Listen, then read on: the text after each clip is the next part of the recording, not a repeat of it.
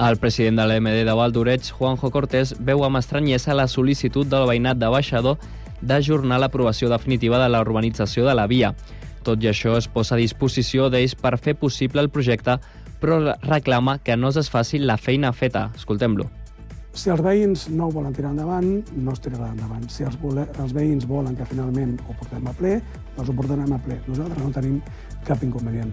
No tenim cap posicionament ni en contra a favor. Estem a la fase final, tornar a la grella de sortida no pot ser. Hem d'acabar de, de, de rematar tota la tramitació d'aquest projecte. En l'entrevista, el president de l'MD també ha fet referència al fet que lidera un govern en minoria. A la darrera Junta de Veïns, l'oposició va fer caure la seva proposta d'ordenances fiscals. Ara el repte és aconseguir tirar endavant els pressupostos de 2024 i per aconseguir-ho fer una picada d'ullet a Junts. Som conscients que no tan sols amb el tema del pressupost, sinó amb, amb tots els temes, doncs no tenim majoria. Això som molt conscients. Eh, sabem de la dificultat que això comporta, però a la vegada és una oportunitat de buscar el consens amb les altres forces, especialment amb el grup majoritari de l'oposició, eh, i veure quins punts tenim en comú. No? En la conversa Cortés dona per bones les explicacions de l'alcalde Josep Maria Vallès que la comissionada per les relacions amb Valdoreig tindrà funcions d'assessoria. També aborda qüestions com l'habitatge a la vila o el futur de l'Escola de Música. La entrevista íntegra la trobareu a cugat.cat. L'Ajuntament de Sant Cugat ha activat la fase d'alerta del Pla de Protecció Civil per risc de vent que pot afectar la ciutat a partir d'aquest dijous 2 de novembre. A causa d'aquesta situació que es preveu de cara al migdia, es prega precaució a la ciutadania.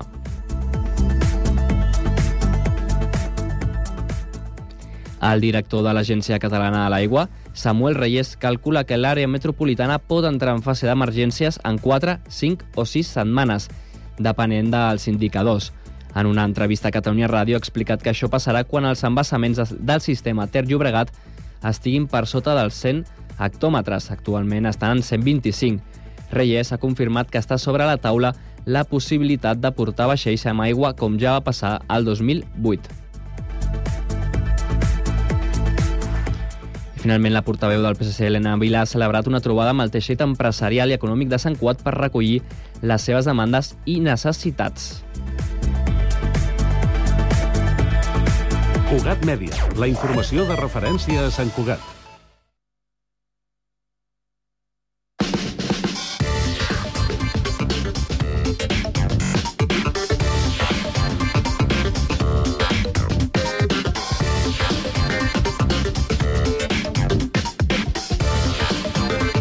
5 de la tarda, 3 minuts, inici de la segona i última hora d'aquest Connectats de dijous, eh? Un dijous que sembla un dilluns, però no patiu, perquè avui arribarà el divendres i el cap de setmana. Hem fet dues setmanes en una, pràcticament, més curtetes, això sí. Anem amb la informació de servei. Comencem pel trànsit, a veure com està la situació a aquesta hora de la tarda. Jessica Rius, Bona tarda. Doncs mira, hi ha retencions a l'AP7 a l'alçada de Barberà del Vallès i Santa Perpètua de Moguda en direcció sud cap a Tarragona. De moment, això és tot segons ens informa el Servei Català de Trànsit. Doncs anem al Transmet per saber com està funcionant el transport públic. Albert Garram, bona tarda. Doncs avui dijous, seguint la tendència d'ahir, parlem de normalitat a la xarxa de transport públic de l'àrea metropolitana. Els principals operadors de transport no han informat de cap incidència, així que les diferents línies funcionen sense cap alteració destacable, on es mantenen les freqüències i horaris habituals tant dels serveis ferroviaris com de la xarxa de bus. De moment això és tot des del Transmet.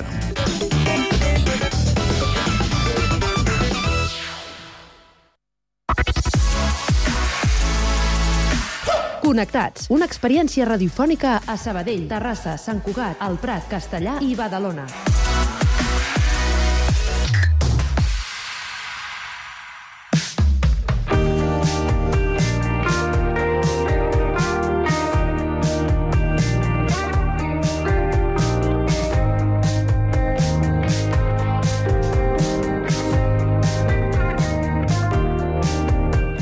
Es va posar en el món de les xarxes gairebé per casualitat. Té molta energia i diu sense embuts ni filtres tot allò que pensa.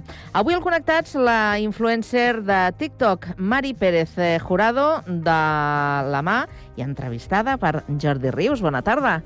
Bona tarda, Carme. Avui tenim a la Mari Pérez Jurado, dermoconsellera influmierder, tal i com ella es defineix. Després us explicarem per què. A TikTok té la friolera de 458.200 seguidors, 50.200 a Instagram i 5.700 subscriptors al seu canal de YouTube. Però abans escoltem el seu crit de guerra tal com ella comença cada post que penja a les xarxes. Good morning, buenos días, bon dia. Bon dia o bona tarda, uh, bona tarda, Mari Pérez Jurado. Què tal? Encantada. Uh, primer, uh, potser hauríem de dir per què comences amb aquest de guerra, aquesta introducció. La veritat és que no ho sé, és, no sé, era una forma de, de, de dir el bon dia. De fet, moltes vegades dic good morning, buenos días, bon dia, egunon, bons dies. O sigui, ho dic en gallec, ho dic en euskera, però no sé Mhm. per què. Aquesta part sempre me la veta l'algoritme de TikTok. Sí? És una forma de dir bon dia a tothom i que ningú se'ns ofengui. I tothom és- està inclòs. I tothom està inclòs. I a més, una forma simpàtica de començar tot, tot, tot, tot, el, tot el que penses, comences així. Mm. De fet, sí, alguna vegada m'han vetat, perquè de, de tant en tant m'ho treuen, i comença el vídeo sense que jo dongui la meva salutació. La gent m'ho recrimina, em diu, és que no has saludat, sí, sí que he saludat, però m'ho han tret i no sé per què. Uh -huh. Aviam, uh, com va començar tot? Tot, tot el Tot? tema xarxes, Sí, sí, sí. bueno, el tema xarxes ni, ni ho sé encara, perquè jo en realitat tothom va començar a tema xarxes així efusivament quan estàvem confinats a la pandèmia. Jo no vaig estar confinada, jo treballo en una farmàcia, era en primera necessitat i vaig estar treballant. El que passa que és allò que els grups de la, de la família van enviant reptes per fer, al final vaig descarregar TikTok, vaig començar a fer reptes tontos, i un dia vaig posar una cançó de música a màquina, música Remember, dels anys 90, que és la que a nosaltres ens va tocar, perquè estava com cansada de sentir tant de reggaeton a, les, a, Mhm. a TikTok, sobretot perquè jo sóc més de TikTok. Jo, Instagram ha sigut com de rebote. De més i, a més. Sí, i YouTube quasi ni el toco, però sí, no sé per què la gent s'inscriveix, perquè Bueno. penjo posa, poca cosa. Doncs a TikTok eh, vaig posar la cançó aquesta perquè estava cansada del reggaeton, Aquesta cançó, al final de l'entrevista, te diré quina és. Bueno, ja m'ho pots dir, però és la que posarem al final de l'entrevista. Oh, Ah, moro! Quina és? Guitar Spell. Va, molt bé. De DJ Silvan, és que m'encanta. A més a més, he tingut el plaer, De conèixer-lo. arrel de TikTok, de poder-lo conèixer a ella, la seva dona. Caram. Doncs eh, això, vaig posar la cançó, de cop es va, es va fer superviral perquè jo tenia mm, crec que 22 seguidors, que són tots els membres de la meva família, ningú més, i aquell vídeo va començar a moure's, a moure's, a moure's, es va fer molt viral, i quan no, vol, no em vaig donar ni compte que tenia 10.000 seguidors, i vaig pensar, home, doncs potser no tota la vida és el reggaeton, potser encara queda gent que li agrada Clar, aquest tipus de música. clar, i. I jo, els meus principis van ser penjar música de, de l'època dels 90 i dels, dels 2000. Però un dia vaig comprar, vaig fer una comanda amb una pàgina d'aquestes xines, vaig fer un unboxing i allò ja va ser l'hecatombe. Vaig començar a pujar de seguidors i tenia 300.000 en una Però setmana. unboxing de qualsevol cosa. De roba. De vaig, roba. Jo vaig treure roba, però jo crec que a la gent li fa gràcia, perquè jo xerro molt ràpid. Sí, sí, és veritat. I, que, de fet, em pregunten, acceleres? El... No, no, No, no, accelero. ets natural, ets Soc natural. Així, parlo així de ràpid. De tant en tant, sóc conscient i afluixo, eh? Baixo marxa. Mhm. Però... Però és veritat que també vas entrar a la xarxa per controlar la teva filla? Bueno, això va ser Instagram. Instagram, va. Jo Instagram, és que ja et deia, Instagram és, és mira, està aquí perquè vaig, a, quan la nena tenia 15-16 anys, Clar. vaig pensar, buf, se m'escapa l'adolescència, jo vull tenir-la controlada, innocent de mi, eh? Ja. Vull tenir-la controlada. Em vaig fer la meva compte a Instagram, ella allà penjava doncs, quan anava amb l'amiga a fer un gelat, quan anaven al cine... Mhm. Tenia tres comptes, al- als quals jo estava vetada. No, no podia podies veure. controlar. Per tant, Però no potser va t'ha de controlar la teva filla, sí, tu. ella em va controlar a mi Clar. perquè jo no sabia res de lo que realment feia. Bueno, la sort és que és bona nena, eh? però Instagram va començar així. Després sí que ho vaig fer servir perquè TikTok fins fa molt poc no, la gent no podia contactar amb tu eh, i havia de ser a través d'Instagram i bueno, pues, Per això vaig començar a donar-li més moviment. Hem dit que a la presentació que ets dermoconsellera, de fet treballes en una Treballo en farmàcia, una farmàcia. podem dir la farmàcia. Farmàcia Zamenhof, que el meu jefe estarà molt content. Molt content, de Sabadell. Perquè, a més a més, molta gent es pensa que la farmàcia és meva. No. Home, ets la imatge de la farmàcia, Ja voldria no? jo, però no, no és meva. Jo tinc una nòmina a final de mes. Molt bé. Influmierder, què vol dir influmierder? Mira, jo justament eh, vaig decantar-me més per, per TikTok perquè a mi Instagram no m'agrada aquest punt de uh, luxe, de jo tinc més que l'altre... que és d'aparentar, no? Uh, sí, mm. l'aparentar. Per mi Instagram era aparentar. TikTok no, TikTok és, de, és més de, de carrer, de, de cada de dia, qui te pillo te mato. no arribo a final de mes, de vaig a comprar la Coca-Cola on estigui més barata. Eh, per mi és més això, no? És més Sí. d'estar per casa. Llavors, dir-me influencer a TikTok, a mi com que no m'agradava. Jo sóc influmierder, perquè no arribo a la categoria d'una influencer d'Instagram, que no sóc ni millor ni pitjor. Simplement no... Bueno, pues, pues m'ha passat amb marques, eh, que de fet eh, m'han dit que no sóc al perfil, jo crec que justament per això, perquè no arribo a aquest públic de luxe. Mm -hmm. Però hi ha hagut influencers reals, per, entendre, per entendre's, que hagin contactat amb tu? Influencers no, però marques sí. Marques no, sí. influencers no, eh? No, no. Jo crec que el món de, el món de la... Justament pel, per aquest tema de jo vull ser més que tu, jo vull aparentar més que tu, crec que el món de la influencer és bastant envejós i... Ja. No, no, jo no he tingut eh, contacte, mm, però crec que el tema va per aquí. Clar, és vital, i ara que dius que TikTok ho, ho, ho permet, és a contactar amb la gent que s'adreça a tu, diguem-ne. Totalment, I tot. que vegin que tu que els hi respons, no? Suposo que aquest uh, mires de respondre de seguida, no? Intento, intento. O, el de que fet, passa que... inclús un, un, no sé com, el que pengis el, el dia següent és ja respostes, Vaig- no? Sí, sí, perquè, clar, al principi sí que responia, eh? però, clar, potser en un vídeo teníem 100 comentaris. Ara en un vídeo puc tenir 500 o 1.000. És impossible, perquè no és només el vídeo que has penjat aquell dia. Clar. És que tu vas rebent comentaris d'altres vídeos que has penjat dies anteriors. És impossible poder-te dedicar, perquè jo no m'hi dedico. Potser si em dediqués 100% a les xarxes socials sí que ho faria, perquè al final a mi m'agrada tenir aquest contacte. Mhm. I, i, i, la- I és curiós perquè la gent es sorprèn. Oh, m'has contestat. I per què no? Si tu has perdut el temps en preguntar-me, per què no haig de perdre el jo en contestar? Bueno, perquè deu pensar que estàs en un nivell més superior. És horrorós, això. No, això és el que no porto gaire bé, jo. Ja, això ja. ho porto fatal, perquè jo sóc de... Jo soy de calle. De batalla. Jo soy de batalla. Molt bé. Mira, acabem de fer el canvi d'hora i el dia i el dia que vam endarrerir el rellotge, efectivament- efectivament, doncs va ser un, una hora més llarg. Però tu cada dia li treus un profit i sembla que el dia tingui doncs, 25 ja hores, no? Com ho fas, això? Per, Això em diu la gent. Com pot ser que et doni temps a fer tantes coses? I treballar, clar, i treballar. Clar. Mira, jo ara, que estic aquí amb tu, sí. abans de venir, jo ja he anat al gimnàs. Mm. He teletreballat dues hores, he posat la meva olla de caldo, o sigui que m'he deixat el dinar fet. Ben fet, ben fet. Imagina't, i mira quina hora és. Clar. Al final és organitzar-te. Quan una ha de portar tot el pes doncs de casa teva, el pes de la teva feina, perquè jo estic a la farmàcia en una zona que la porto jo sola. Ara començo a tenir ajuda, però fins ara no en tenia. Quan tu has de portar-ho tot, arriba un moment que t'has d'organitzar i és de tal hora a tal hora faig això, de tal hora a tal hora faig això, i ja està. I al final t'organitzes i ho fas. I llavors, el vídeo que penges, això ho edites. Sí, clar, jo per la nit... No ho quan- fas amb el ma- mateix moment. No, no, diguem-ne, no, no, jo vaig, durant tot el dia vaig gravant. Vas recollint. Sí. Mhm. Quan jo sé que al sofà al vespre, edito i poso la veu, perquè la veu li poso a sobre, jo no la poso en el vídeo. Mhm. O sigui, el meu moment de, de seure al sofà, que teòricament hauria d'estar mirant el que passa a la tele, a les notícies, jo És el estic, teu moment de divertiment. estic editant, estic editant I vídeos i preparant per penjar l'endemà. L'endemà. Sí. No el mateix dia. No, no, no. No, perquè haig de posar-li la veu, haig de retallar... No, T'agrada aquesta part de, Sí. de, fer, de fer el procés, diguem-ne? la d'editar potser és la que més m'agrada, més que gravar. Sí? Sí, és més divertida, perquè al final vas traient de tot el que m'ha passat al dia, em quedo el que més m'agrada. I això és xulo. Això estaria bé, estaria bé que es pogués fer amb la vida real, eh? Clar, home, i tant. Em quedo el que més m'agrada, el que no, Fora. delete. Clar, clar, clar. Uh, tens la secció aquesta de, que diem d'unboxing, diguem-ne, Eh. que té, té molt seguiment. Sí, molt. Molt, agrada molt. Però també tens, i això deixa'm dir, la teva vena solidària. Sí, també. Eh? Estem a punt, a més a més, llàstima que encara no, no tenim preparada la nova campanya, si no, ara mateix estaríem, Seria el moment fent, estaríem fent publicitat. O sigui, podries convidar-me un altre dia i Val. fem campanya publicitària. Val, però vull dir que les causes eh, solidàries també et mouen. Molt. Molt, i més, amb, i més perquè jo sóc molt, um, com t'ho dic, reivindicativa, Mm. uh, justiciera, com em diu ma mare. I quan jo veig que hi han coses que qui s'hauria d'encarregar de fer-ho no ho fa, i si no ho fa aquesta aquest, aquest organisme, no ho fa ningú, i que per culpa d'això s'està morint gent, a mi això em pot.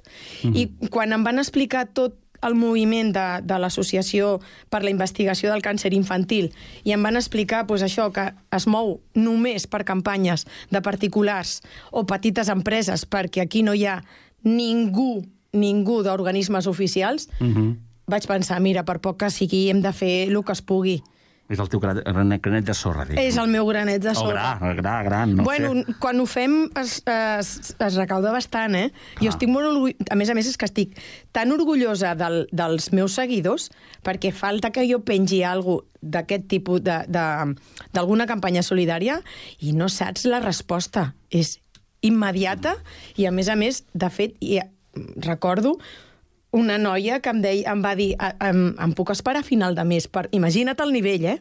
Em puc aspirar, esperar a final de mes per cobrar i poder-te comprar una samarreta, que valia 20 euros la samarreta, Mhm. però aquella noia li anava de 20 euros. Mm, clar. Li vaig regalar jo, vaig pagar jo aquells 20 euros perquè vaig pensar, només pel fet que tu, que no en tens, vulguis ajudar i qui té no estigui fent el que hauria de fer, és que aquesta noia es mereixia, es mereix que li passi tot el bo del món. Mm. Recordo que, esclar, vaig veure un vídeo ara no fa gaire d'un viatge que vas fer amb la teva família a Cracòvia. A Auschwitz. A Auschwitz. Clar, pensava, bueno, clar, és un viatge, però esclar, llavors li vas explicar tota la història dels camps de concentració, un viatge que, bueno, que el teu pare em sembla que li feia especial Era il·lusió d'anar-hi, no? era la seva il·lusió. Però vull dir, que, vull dir que no tot és banal, el que No. penges, diguem. No, m'agrada de cada cosa poder... consci- Si, si hi ha algú al darrere, poder conscienciar la gent. Perquè realment, eh, i he rebut molt, moltes, mm, molts missatges negatius eh, d'aquest viatge. Sí? Molts, perquè molta gent em diu que no, no hauria de penjar depèn quin tipus de, de, De contingut. de contingut Mhm. perquè al final no deixa de ser el patiment de la gent i que jo ho estic explicant i ho estic penjant. I justament és tot el contrari. Em fa molta ràbia aquest tipus de comentaris perquè al final no és més que gent que quan hi ha un problema miren cap a una altra banda. Això ha existit. I això ha passat, i això s'ha de saber.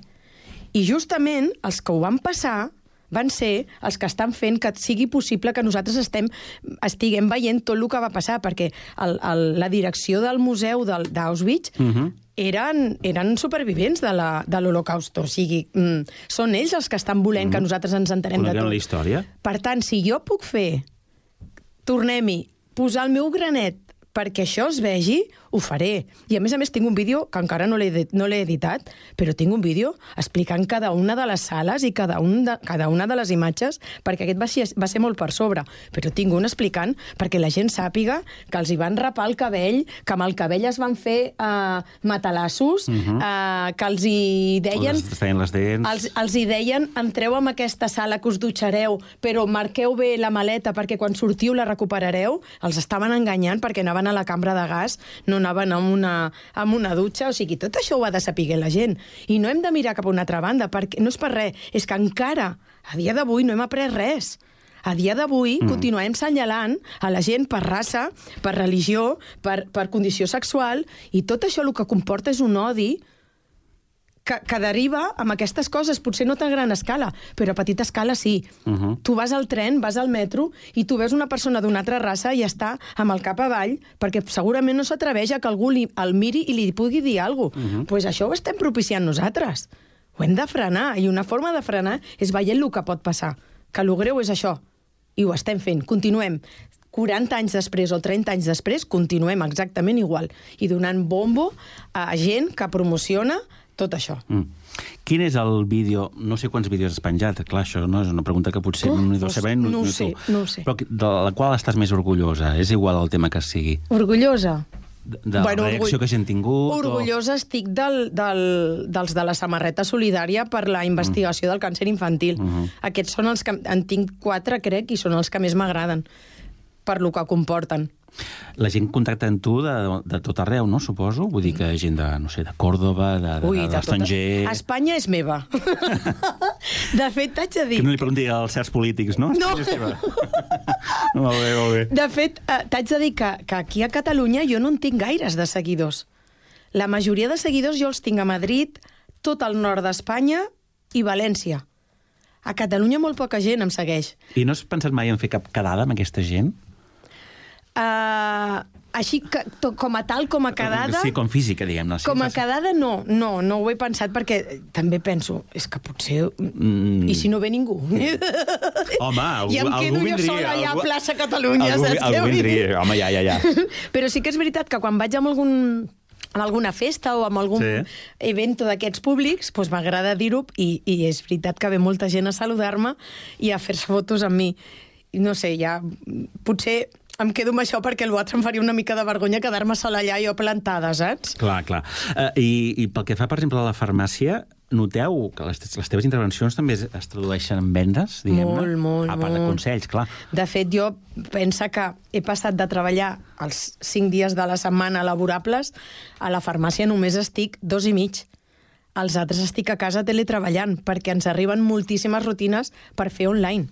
Llavors jo em quedo a casa, uh -huh. parlo amb les clientes o els clients, m'envien foto i en base a això jo els hi recomano i els hi envio a casa. Clar, nosaltres se'ns ha triplicat o quadriplicat la feina ara a la farmàcia. Caram. Sí. És que eh, no som conscients del poder de, de les xarxes, no, no, eh, en no aquest som. cas. No ho som. No ho som. I vas pel carrer i te n'adones perquè la gent et para i et diu "Eh, escolta'm, te'n recordes d'aquell lloc que vas anar a menjar cargols? Em pots dir on era? I jo pensant, i ara, ara on és? On és? En quin vídeo he, dit això? Perquè com que vaig a tot arreu, jo allà Clar. on, on em conviden, allà Clar, hi vaig. clar. I si és per menjar, vaig a tot arreu. Clar. I, i te n'adones de que realment la gent està, ets part de la seva vida. I en tots els aspectes ets part de la seva vida. Tens, i amb això gairebé acabaríem, alguna cura especial quan penges coses a la xarxa? No. Vull dir, com dius, "A- aquí, això no puc posar-ho, anem a suposar, o... o o- No. No. No. No. No, no, jo sóc sense filtres per tot.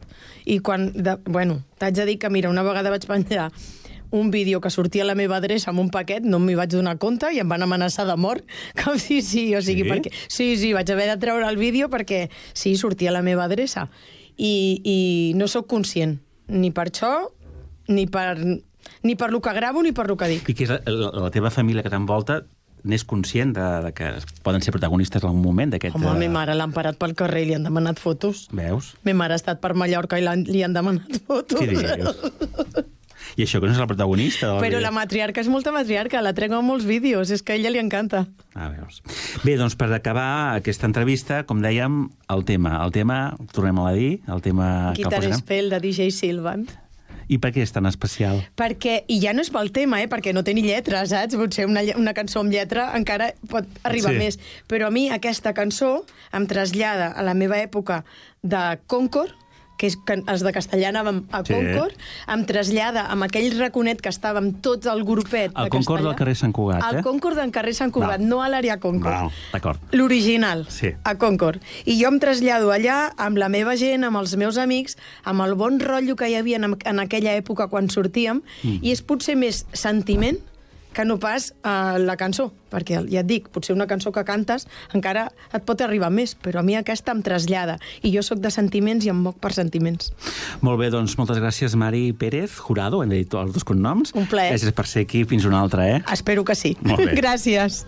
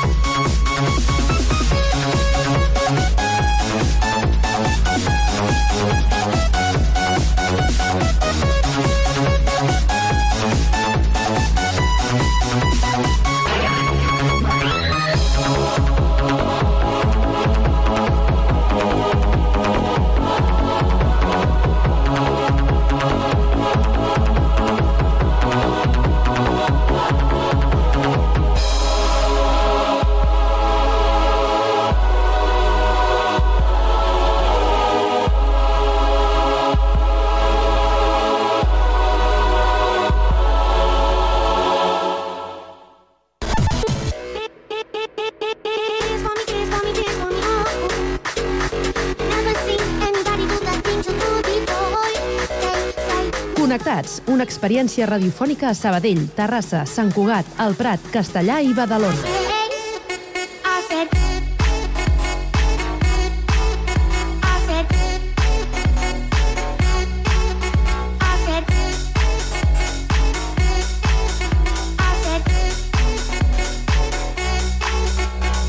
Connectats amb Carme Reverte.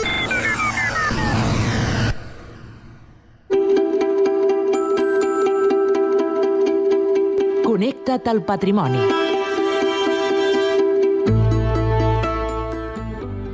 Aquest podcast és una producció de Ràdio Castellà.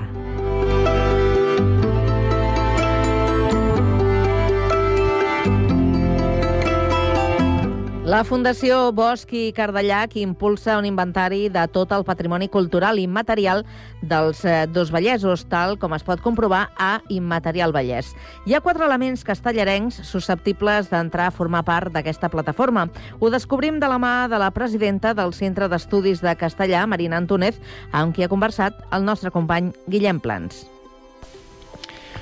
El castell de Clascarí, el passabrisme, Joan Abarcat i el passat industrial Tolrà. Marina Antúnez, directora del Centre d'Estudis de Castellà. Bona tarda. Hola, bona tarda, Guillem. Bona tarda a tothom. Què tenen en comú aquestes quatre coses castellarenques que acabo d'esmentar? Aquestes quatre coses, entre d'altres, doncs, eh, moltes altres també, tenen a veure que són, eh, formen part del patrimoni immaterial d'aquí de Castellà del Vallès un patrimoni immaterial que, a banda de ser de Castellà del Vallès, també és patrimoni immaterial de, del Vallès, de, de fet del que són els dos Vallesos, oriental i occidental. I hi ha alguna manera de fer-ho saber, això? Doncs, de fet, sí. Fa no pas massa, un parell de mesos o tres, la directora de la Fundació Bosc i Cardellac de Sabadell va contactar amb nosaltres per explicar-nos que hi ha un portal web que es diu immaterialvallès.cat on es reuneix eh, i s'amplia, de fet, cada vegada més, l'inventari del patrimoni cultural i material del Vallès, d'aquests dos Vallesos, del Vallès occidental i oriental. Què significa això? Què significa? Mm, tota població que vulgui, de fet, tots els centres d'estudis, arxius, um, centres cívics, bé, totes les persones que estudien o, o tenen relació amb el patrimoni del seu uh, municipi, sigui poble o ciutat, poden formar part d'aquest inventari. Com ho fan? Doncs eh, a través d'un òrgan que es reuneix un cop l'any i a través d'un òrgan que decideix quines són aquelles activitats, ara les podem definir, si et sembla, Guillem, una miqueta perquè la gent sàpiga què hi podrem trobar, no? quines són aquelles activitats que valen la pena de difondre de les diferents poblacions del Vallès. Recordem que aquí ens centrem en el Vallès. Uh, un cop doncs s'accepta que aquesta tradició, aquesta creença, aquesta activitat val la pena doncs, de, de ser compartida amb, amb, amb qui vulgui, de fet, doncs s'introdueixen les dades i s'assigna una persona una persona o persones que seran les responsables de buscar informació, de fer recerca, de documentar-la, documentar-la de moltes maneres. Documentar-la no només a nivell textual, sinó també gràfic, perquè aquest web permet la introducció de vídeos, d'àudios, de fotografies, és a dir, per fer una fitxa completa d'aquella activitat. Però si et sembla, Guillem, concretem una miqueta més, perquè parlar d'activitat així sembla com molt abstracte, no? Quines són aquestes activitats? Doncs d'immaterialvallès.cat. D'entrada, dir-vos que eh, es divideixen en quatre, ai, en quatre, en set, perdó, en set categories, perquè d'aquesta manera també sigui més fàcil saber on es poden encabir i d'altra manera perquè l'usuari que faci servir aquesta pàgina web sabi uh, on anar a buscar, no? Hi ha set, uh, com he dit, categories. Una és activitats productives, processos i tècniques. Aquí ha comencem a intuir que, per exemple, eh, la, el passat industrial tolrà no? podria anar per aquí, en aquesta categoria, no? Creences, festes, rituals i cerimònies vindrien a ser més aviat eh, activitats relacionades amb la litúrgia. Eh, doncs, eh, passabrisme podria ser, per exemple, però també els pastorets, eh, les misses, algunes celebracions com les caramelles, algunes celebracions que tinguin a veure això amb creences religioses. Tenim una tercera categoria, que és de tradicions orals, particularitats lingüístiques i formes de comunicació. Aquí podria haver doncs, els dialectalismes, no? que a Sabadell agraden tant, per exemple, i altres llocs també, però tradicions orals podrien ser, per exemple, la llegenda del drac de, de Sant Llorenç, que tenim aquí, no? que s'ha transmès de tradició oral, del boca a orella, i altres particularitats lingüístiques, com poden ser el català que es parlava abans, el que es parla ara, etc etc. sempre relacionat amb aquella població. La quarta categoria seria de representacions, escenificacions, danses, jocs i esports tradicionals. Podrien entrar aquí les villes catalanes, um, doncs també el ball de gitanes, ball de bastons, uh, altres um, balls d'esbars dansaires, tot això entraria en aquesta. La cinquena categoria seria de manifestacions musicals i sonores. Eh, Abans hem apuntat que a Castellà tenim mossèn Joan Abarcat, que va deixar una notable doncs, mostra de la seva composició no, pels pastorets, que tenim, a més, per escrit en partitura. Podria quedar aquí. També tenim la sisena, que és de salut, alimentació i gastronomia. Mongeta del Ganxet seria la, la, no, el producte estrella del Vallès, que de fet ja forma part d'aquest inventari, però en salut i alimentació hi hauria altres històries que podrien formar-ne part, no? Podríem parlar doncs, de, de la salut de les trementinaires, doncs, si hi havia persones que es dedicaven, sobretot dones, a anar al bosc a recollir doncs, herbes per, per curar diferents dolències, etc. I d'alimentació també, aquí també tenim els calçots, altres. Finalment, la setena categoria seria per formes de sociabilitat col·lectiva o d'organització social. Aquí entraríem doncs, entitats que hi ha al municipi, com es relacionen, no? si doncs, s'han polititzat o no, com s'organitzen i de més. No?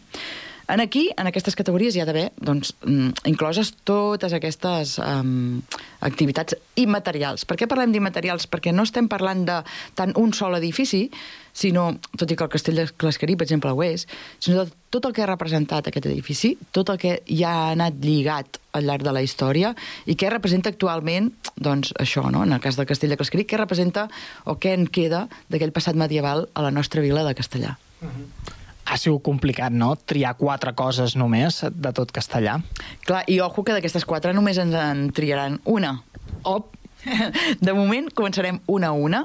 Uh, aquest inventari s'ha d'anar ampliant a poc a poc, però cert que um, requereix doncs, una recerca intensa, molta feina, i que representa a diverses poblacions. A lo millor aquesta tarda, justament, tenim una reunió i potser hi ha representades doncs, 10, 15 municipis de, o ciutats del Vallès, no? dels dos Vallesos.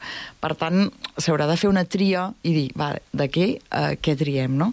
A lo millor nosaltres anem molt fortes volent parlar del passat industrial dels Tolrà i resulta que hi ha una població Sabadell mateix és forta i Terrassa també, tenen un passat industrial de molt pes i potser doncs, val la pena primer començar per allà, no? Sí que és cert que a partir del que decidim avui, començarem la recerca. Recerca per doncs, poder fer això, aquesta fitxa completa que inclou explicació, arxius fotogràfics... Clar, per què s'adrecen a arxius i centres d'estudis? Perquè són els que som, els que de fet tenim fons no? documental ja perfectament catalogat i arxivat per poder fer aquesta recerca com Déu mana, no? Uh, vídeos, àudios, cada cop més hi ha vídeos, no? I ara doncs, podem gravar fàcilment alguna manifestació artística, cultural que s'hagi fet no? a la població i poder-ho incloure. No? La idea és que sigui útil a la ciutadania, això sí. La Fundació Bosc i Cardellac truca a la vostra porta i, i us demana doncs, trets essencials de castellà i n'escull uns quants de tot el Vallès. D'aquesta manera es pot fer un mapa de la personalitat de la comarca? Sens dubte, sens dubte. De fet, la funció, jo crec, d'aquest inventari és uh, demostrar això, no? On és més forta la tradició uh, al Vallès, on és més forta la cultura, on és més forta doncs, la dinàmica de la societat. Al final estàs fent un mapa de com la societat ha anat fent créixer no? allò en el que creu. Segurament aquest mapa que parlem, aquest inventari, seria molt diferent si parléssim de poblacions del Pallars, no? on segurament la importància de l'aigua seria molta, tot i que aquí també n'hi ha d'importància a l'aigua, i evidentment si la, seria diferent si la féssim al Delta de l'Ebre o les comarques de Lleida. No? Es tracta de, sí, de dibuixar quines són aquelles parts fortes, aquells punts forts del Vallès, no? I fer-ho perquè la gent, la ciutadania, no estem pensant que és una cosa per estudiosos, eh, ni per experts, És una web, si entreu, ja ho veureu, immaterialvallès.cat, molt visual, molt clara, on podeu accedir a les pestanyes amb aquestes categories que us he dit, i directament veureu no? quines tradicions mm, són més populars o, o més, mm, més participatives, no? Doncs, a veure, el Ball de Gitanes té importància al Vallès, però també en tenen d'altres, com els pastorets. Pastorets sembla que no, però són bastant importants al Vallès.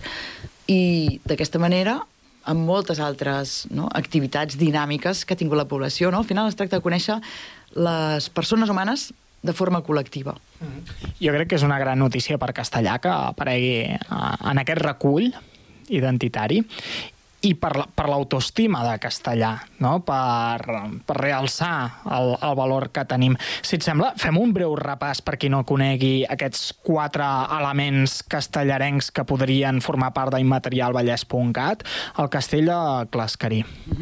El castell de Clascarí, que forma part del nostre passat medieval i que s'ubica a l'altra banda del riu Ripoll actualment, eh, és un castell que ha tingut molta influència a tot el Vallès, va tenir molta influència, de fet, ara segueix sent de propietat privada, però en el seu moment va doncs, ser molt influent en poblacions veïnes com Matadepera, Sant Llorenç, Terrassa, Sabadell. Realment hi va haver una dinàmica també d'enllaços matrimonials que la va fer doncs, molt poderosa. Aquest castell va arribar a ser un castell i, i el seu terreny, diguéssim, va ser molt poderós i, i, i, i, i ha deixat rastre. De fet, encara hi ha gent que paga delmes als propietaris del castell, no? Per entendre com funcionava a l'edat mitjana, doncs, eh, és molt interessant conèixer aquest castell. El passabrisme... El passabrisme, home, i tant. Només fa falta venir a l'exposició anual que hi ha aquí a Castellà. I tant. El passabrisme, sens dubte, super eh, important, un passabrisme que agafa força cap als anys 50-60 aquí a Castellà i que s'ha transformat moltíssim, no? És, de fet, només des de fa 10 o 11 anys, potser, que s'incorpora aquest tema afegit al tema bíblic i fa que els pessebres arribin més lluny encara, perquè són diferents d'altres, no? Però la veritat és que parlar de l'activitat pessebrista castellà és parlar d'una activitat molt intensa, on hi han participat molts castellarencs i que ha deixat molta empremta. Empremta no només en el mateix local pessebrista a través de l'exposició, sinó empremta excursionista, perquè hi ha el pessebre que es puja a les Castellasses i que també es porta a Sant Marc de Brocà i a d'altres pobles. Um, empremta també perquè hi ha entitats que s'hi han relacionat com uh, Esplai i Colònies Xiribec. Empremta les cases, perquè aquí, a Castellà, moltes cases feien pessebre i el mostraven i es feia concurs de pessebres on els pessebres anaven i vo- votaven, no? I hi havia premiats de pessebres. El pessebrisme en tant que figures. Tenim figuraires de pessebrisme que venen a tot el món, com la Montserrat Ribas, que ven figures a la- l'altra banda de l'Atlàntic, als Estats Units i a tot el món. Un pessebrisme que realment té molta importància, molta importància i del qual es pot parlar des de moltes òptiques diferents, no? Un altre, Joana Barcat.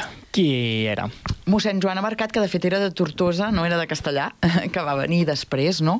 Era un gran compositor. Mossèn, no sé si gran o no, però el que sabem era que era un gran compositor que va compondre uns pastorets específics a Castellà, que no es fan a, a altres llocs, no? Els pastors cantaires de Betlem no són els, els pastorets de Folk i Torres, sinó que són de Joan Mossèn Abarcat i que inclouen personatges creats per ell, no? com el Xiribec i Xiripiga, entre d'altres. I que ara es continuen representant, igual que el pessebrisme continua viu, en aquest cas la, la composició de Joana Barcat també continua viva. Ah, exacte. No ha creuat fronteres, en aquest cas, no, no es representa fora de castellà, però sí que es fa a castellà, i cada dos anys o així el Colònies Esplat Xiribec també el, el representa, no? Vull dir que també són uns pastorets molt específics, molt genuïns de castellà, que potser valdria la pena posar en, bueno, en valor, no? I dels Tolrai hem parlat altres vegades, però mai, mai deixem passar l'ocasió de reivindicar-ne no? la importància per castellà. Si no haguessin existit, no tindríem molts edificis, per exemple. Exacte, de fet, castellà es construeix també en base a, bé, a, a la a les donacions que va fer Emília Carles Tolrà quan va quedar vídua, però també en la seva mm, visió d'empresària i econòmica, no? que va- ser responsable doncs, de moltes de les construccions i conductes que baixen fins al riu per poder doncs, alimentar la fàbrica, per dir-ho d'alguna manera, i tot el recorregut vora la llera del riu que hi ha eh, relacionada amb aquest passat industrial. No?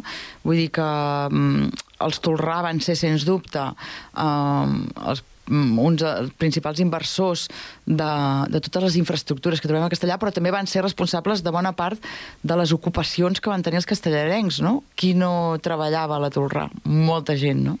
Exacte, i continua viu uh, en els carrers, en l'urbanisme i també en la memòria de molts castellarencs, Exacte. perquè n'hi ha molts que, que encara expliquen batalletes de la fàbrica de Can Barba, de la fàbrica nova, d'aquest passat tèxtil que va tenir Castellà. I la nomenclatura, no? Quants carrers es diuen, no sé què, Tolrà, de Tolrà, Passeig Tolrà, molts Tolrà. Uh, val a dir que aquest inventari, en aquest inventari algú dirà, hi trobaríem a faltar la pedra seca, que no l'hem proposat, -huh. però no l'hem proposat perquè la pedra seca sí que ja hi és. Ja hi és, dins de l'immaterial. Uh -huh. Pedra seca, doncs eh, passem a parlar de la pedra seca per eh, acabar. Pels que no coneguin què és. La pedra seca és una tècnica constructiva que servia en els temps en què hi havia molta vinya al Vallès, que n'hi havia molta, per aixoplugar els pagesos i també per delimitar les seves propietats. No? Vull dir que tant hi ha murs de pedra seca com barraques de pedra seca, que també es diuen, com bé diu el nom, barraques de vinya, perquè relacionaven molt amb el cultiu, que en aquella època era l'activitat productiva principal doncs, de, del Vallès, també. Uh, la pedra seca forma part de, mm, del patrimoni material del Vallès, però també de la UNESCO. Ara no et sabré dir si fa 3 o 4 anys que va ser declarada Patrimoni Immaterial de la UNESCO. Però també serveix això no només per aquest reconeixement i orgull dels qui fan pedra seca o dels qui la cuiden, sinó també perquè es conservi, no? que un altre dels motius de donar a conèixer el patrimoni és que sigui més possible o es vegi més la necessitat de la seva conservació. Hi ha teca castellà, eh? Hi ha teca a, a conservar. Sí, sí. Teca immaterial. Doncs, Marina, moltíssimes gràcies per atendre'ns al Connectats i quan aquest projecte continuï caminant, ens tornem a citar per parlar-ne. Molt bé, i tant que sí. Estarem encantades.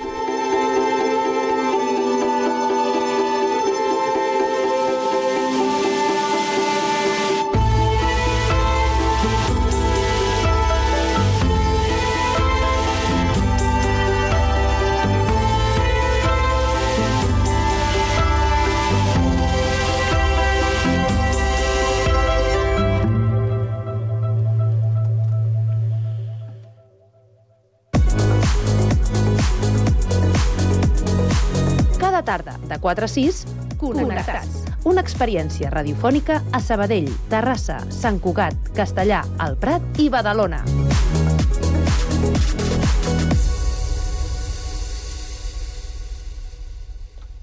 Tal dia com avui de l'any 1978, els anglesos de Police publicaven el seu àlbum de debut, Outlandos d'Amour. L'havien gravat amb cintes reutilitzades amb una consola de 16 canals als estudis Surrey Sound Studios. La publicació va ser un gran èxit de vendes mesclant jazz, reggae i rock, una combinació que acompanyaria a la banda per sempre. Al disc es pot trobar l'aclamadíssima cançó Roxanne, també Can't Stand Losing You, Next to You i Hall in My Life, però nosaltres ens hem quedat amb el So Lonely.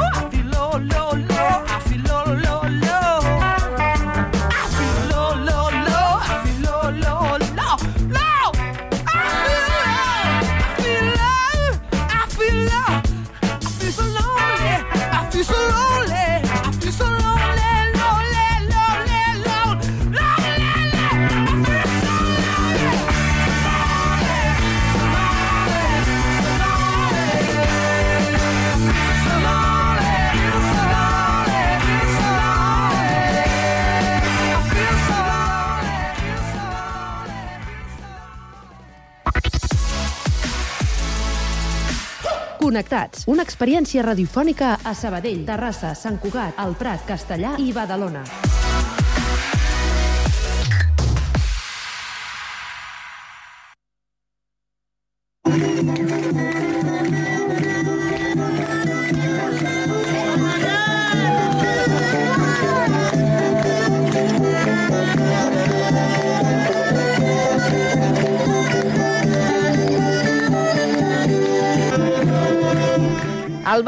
Gitanes és una dansa tradicional que al Vallès es fa per Carnaval i es balla en formació de colles de parelles en fila.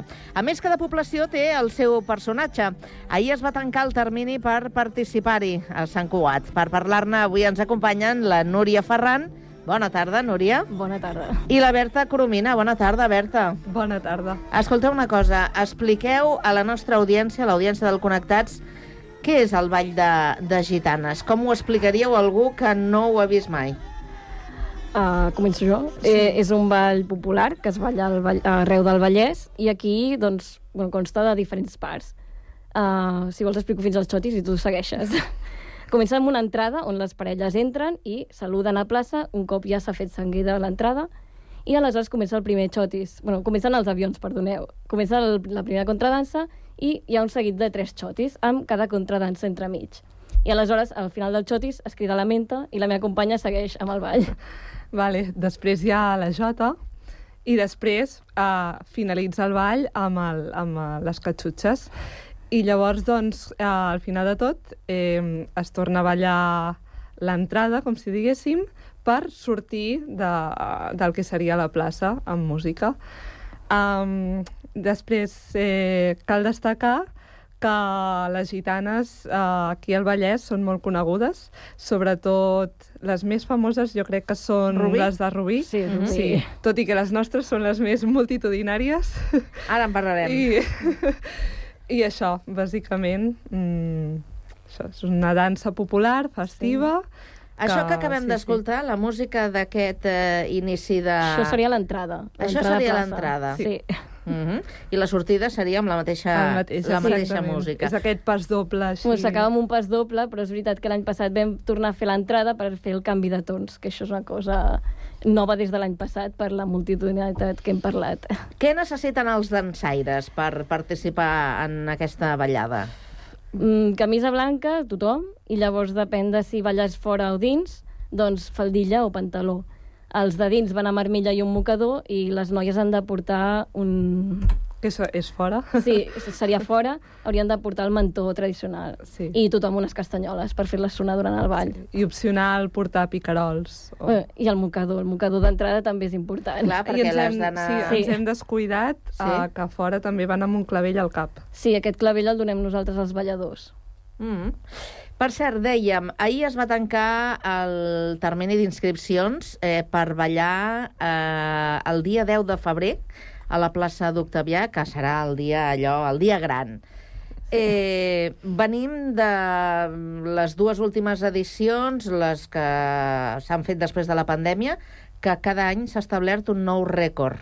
Sí, correcte. Quants, quants inscrits teniu a dia d'avui? Però ja amb el d'això, amb el termini Ah, tancat. En tenim comptats uns 672. En total. 672. 672. És una autèntica bogeria. Serien unes Mai vist. 82 colles, cosa que no hi hem arribat mai.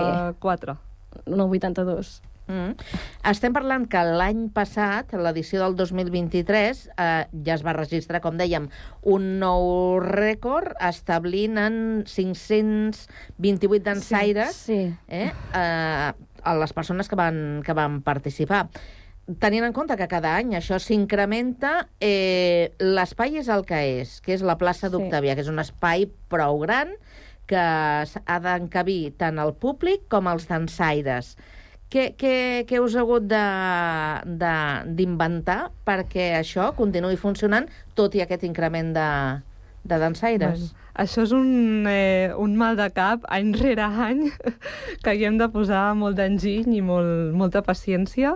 Però bueno, l'any passat ja vam fer el, això dels dos torns i aquest any ho tornarem a implementar perquè ens hi càpiga tothom d'alguna manera o altra a la plaça perquè la plaça al final és limitada, tenim límits eh, eh, geogràfics i tenim límits d'arbres i de, i de faroles, i llavors hem d'intentar fer un mapping de la plaça i encabir tots els quadres a dins i fer un estudi de com fer-ho. Dos torns seran suficients. Sí, o sigui, l'any passat ja va Esperem que funcionar sí. bé i ja s'havia estudiat la possibilitat de que hi cabessin més quadres a plaça per torn i en principi ens hi han de cabre. Ara haurem de mirar com ho encabim del tot, però en principi la idea és que balli tothom, tota la gent que s'ha inscrit, doncs poder-la cabre a plaça amb aquests dos torns. Anem al calendari, eh? perquè és molt important tenir en compte allò, totes les dates i el que es farà en cada, en cada moment. El dia 20 de novembre començaran els assajos. Sí. Sí? Són assajos de repàs, i avisem, i ja veureu al nostre Instagram, està tot explicat. I precisament aquest any haurem de fer xotis 1 i xotis 2 junt, ja que no tenim prou temps físic per assajar-los per separat. Cal destacar que aquests assajos de repàs els farem eh, generalment al Teatre Auditori, en el hall del Teatre Auditori. Um, si hi hagués algun canvi, avisarem uh, que és possible per que n'hi hagi. Sí. Amb, amb quina periodicitat feu els assajos? Cada dilluns i dimecres de 9 a 10. Perquè jo m'imagino que hi ha gent que ja ha participat altres anys i que, per tant, ja s'ho sap, no? Com Sí. funciona això, però també hi ha molta gent nova que s'estrena. Sí, sí. Uh, tenim uns tutorials a YouTube, que també estan a, al Linktree que tenim a Instagram, que tu, tu pots mirar a casa i tu pots assajar, i la idea és això, és fer repàs. També l'any passat ja ho vam fer, que la gent que volgués que els hi ajudéssim a aprendre el ball, aquestes dues setmanes entre que publiquem els, els quadros que ballen i que comencem els assajos, qui volgués ens podia contactar per assajar, doncs, trobar un dia, trobar algú de la comissió que els ajudéssim a assajar aquests passos nous que no se saben. Mm. Clar, perquè és això, la idea és que vinguin en els assajos amb els balls ja mm, mastegats. I la gent acostuma a respectar... Eh, és a dir, qui s'ha compromès eh, i participa eh, en els assajos i després... De tot una mica, jo diria. Sí? Hi ha diversos perfils de persona, sí. de ballador. També hi ha gent que ja porta molts anys ballant, com deies, i llavors només venen els obligatoris, o gent que per a l'agenda pues, doncs no ve tant, però la gent normalment sí que intenta prendre-se'l bé i venir als assajos. Sobretot la gent que és més nova mm. intenta venir més als assajos perquè els hi falta... És un ball bastant difícil de ballar i amb, amb molta coordinació amb Sí. la teva parella i amb el teu quadre, per tant... I és això, hi ha tres la gent més novella sí que ve més... Mira, podem donar allò a la gent que estigui escoltant i tingui curiositat per saber eh, com, com és i quina patxoca fa, perquè realment fa molta patxoca, que busqui a YouTube eh, les imatges de les últimes edicions Sí, de l'any passat, sí, o sí. de l'anterior, que es veu en planos Sí, sí. Eh, aeris, Sempre es fa un recull de tot el ball, es pot veure per i que és, internet. és espectacular com, com queda la, la plaça. Hem de dir que, que hi ha algunes novetats. Eh, enguany, per exemple, les inscripcions es pot triar la preferència de cercavila, és a dir, hi ha, un, hi ha cercaviles, no un, Sí. sinó... Mm, N'hi haurà sis cercaviles, cercavi- com l'any sis, com l'any passat. La Mhm. idea és mantenir els sis, perquè així podem repartir millor tanta gent, perquè si no amb quatre eren masses. I la idea d'això de triar és que poguessin triar segons preferència de posar tietes o no, i bàsicament això és una mica orientatiu. Nosaltres també podrem aquí... Ens reservem el, el, El dret, dret. a fer modificacions. es, expliqueu-nos això de les tietes, què és? Vale, les tietes um, són aquella gent que posa paradetes amb menjar i beguda en el cercavila per uh, habi habituallar els balladors que van um, fent el recorregut i, bueno, sobretot eh, nosaltres, els balladors, com a agraïment a les tietes, els hi fem una dansa eh, just al davant de la seva parada. Llavors això està molt bé que en el cercavila, bueno, en les inscripcions, si algú um, té una tieta que sàpiga que ens pot assegurar uh, en algun lloc, de, en algun carrer, um, que ens avisi i nosaltres fem passar el cercavila per allà i, i ens ho maneguem No hi ha així. problemes per eh, aconseguir tietes? No. Ens No. agradaria que n'hi haguessin més. Hi ha cercaviles que en tenen poques, de, perquè hi ha alguns cercaviles més cèntrics que sempre acostuma a haver-hi més tietes i més comerços, i alguns que es queden més pobres, però... Però bueno, estaria bé també que això, que el poble intentés, eh, la gent que no és balladora, que intentés fer de tieta per eh, fer una mica més de Per festa. col·laborar, no? Sí. D'alguna manera. Sí, sí. Eh, però la cosa no queda aquí, perquè a part del ball de gitanes, eh, també hi ha el ball de gitanetes i el ball de velles. Sí, Gitanetes és la versió infantil, que es va, es va fer ja des de fa uns anys, i bé, és els diumenges i és pels més petitets, perquè puguin començar a conèixer el ball. De fet, també hi ha el ball de jovenetes, Sí, dir. que, Ah, que es fa el mateix dia que el... Bueno, es fa repartit entre el dia del ball de gitanetes i el dia del ball de gitanes. Fan algunes danses amb les gitanetes i algunes danses amb les gitanes, que és per gent jove a menors Sí. de 18 anys. Seria perquè... gent de 16 a 18 que Sí. sí. vulguin ja no estar amb el grup infantil. perquè- Adolescents. Sí, Sí, perquè les adolescents. gitanes han de participar gent major d'edat. Ah, sí? És Sí. condició? És condició. Fa Sí. temps era a partir dels 16, però ara ja fa uns anys que s'ha Sí. fet els jovenetes, que són aquests joves de 16, 18 sobretot, que volen fer gitanes però no tenen l'edat encara. I el ball de, de velles? Sí. Es fa el mateix dia del Ball de Gitanes, just abans, um, i és un ball uh, doncs que, bàsicament, uh, unes quantes uh, persones que uh, està obert a tothom qui es vulgui inscriure. Mm. Sí, Heu de dir al Roger, al Roger Casadellà.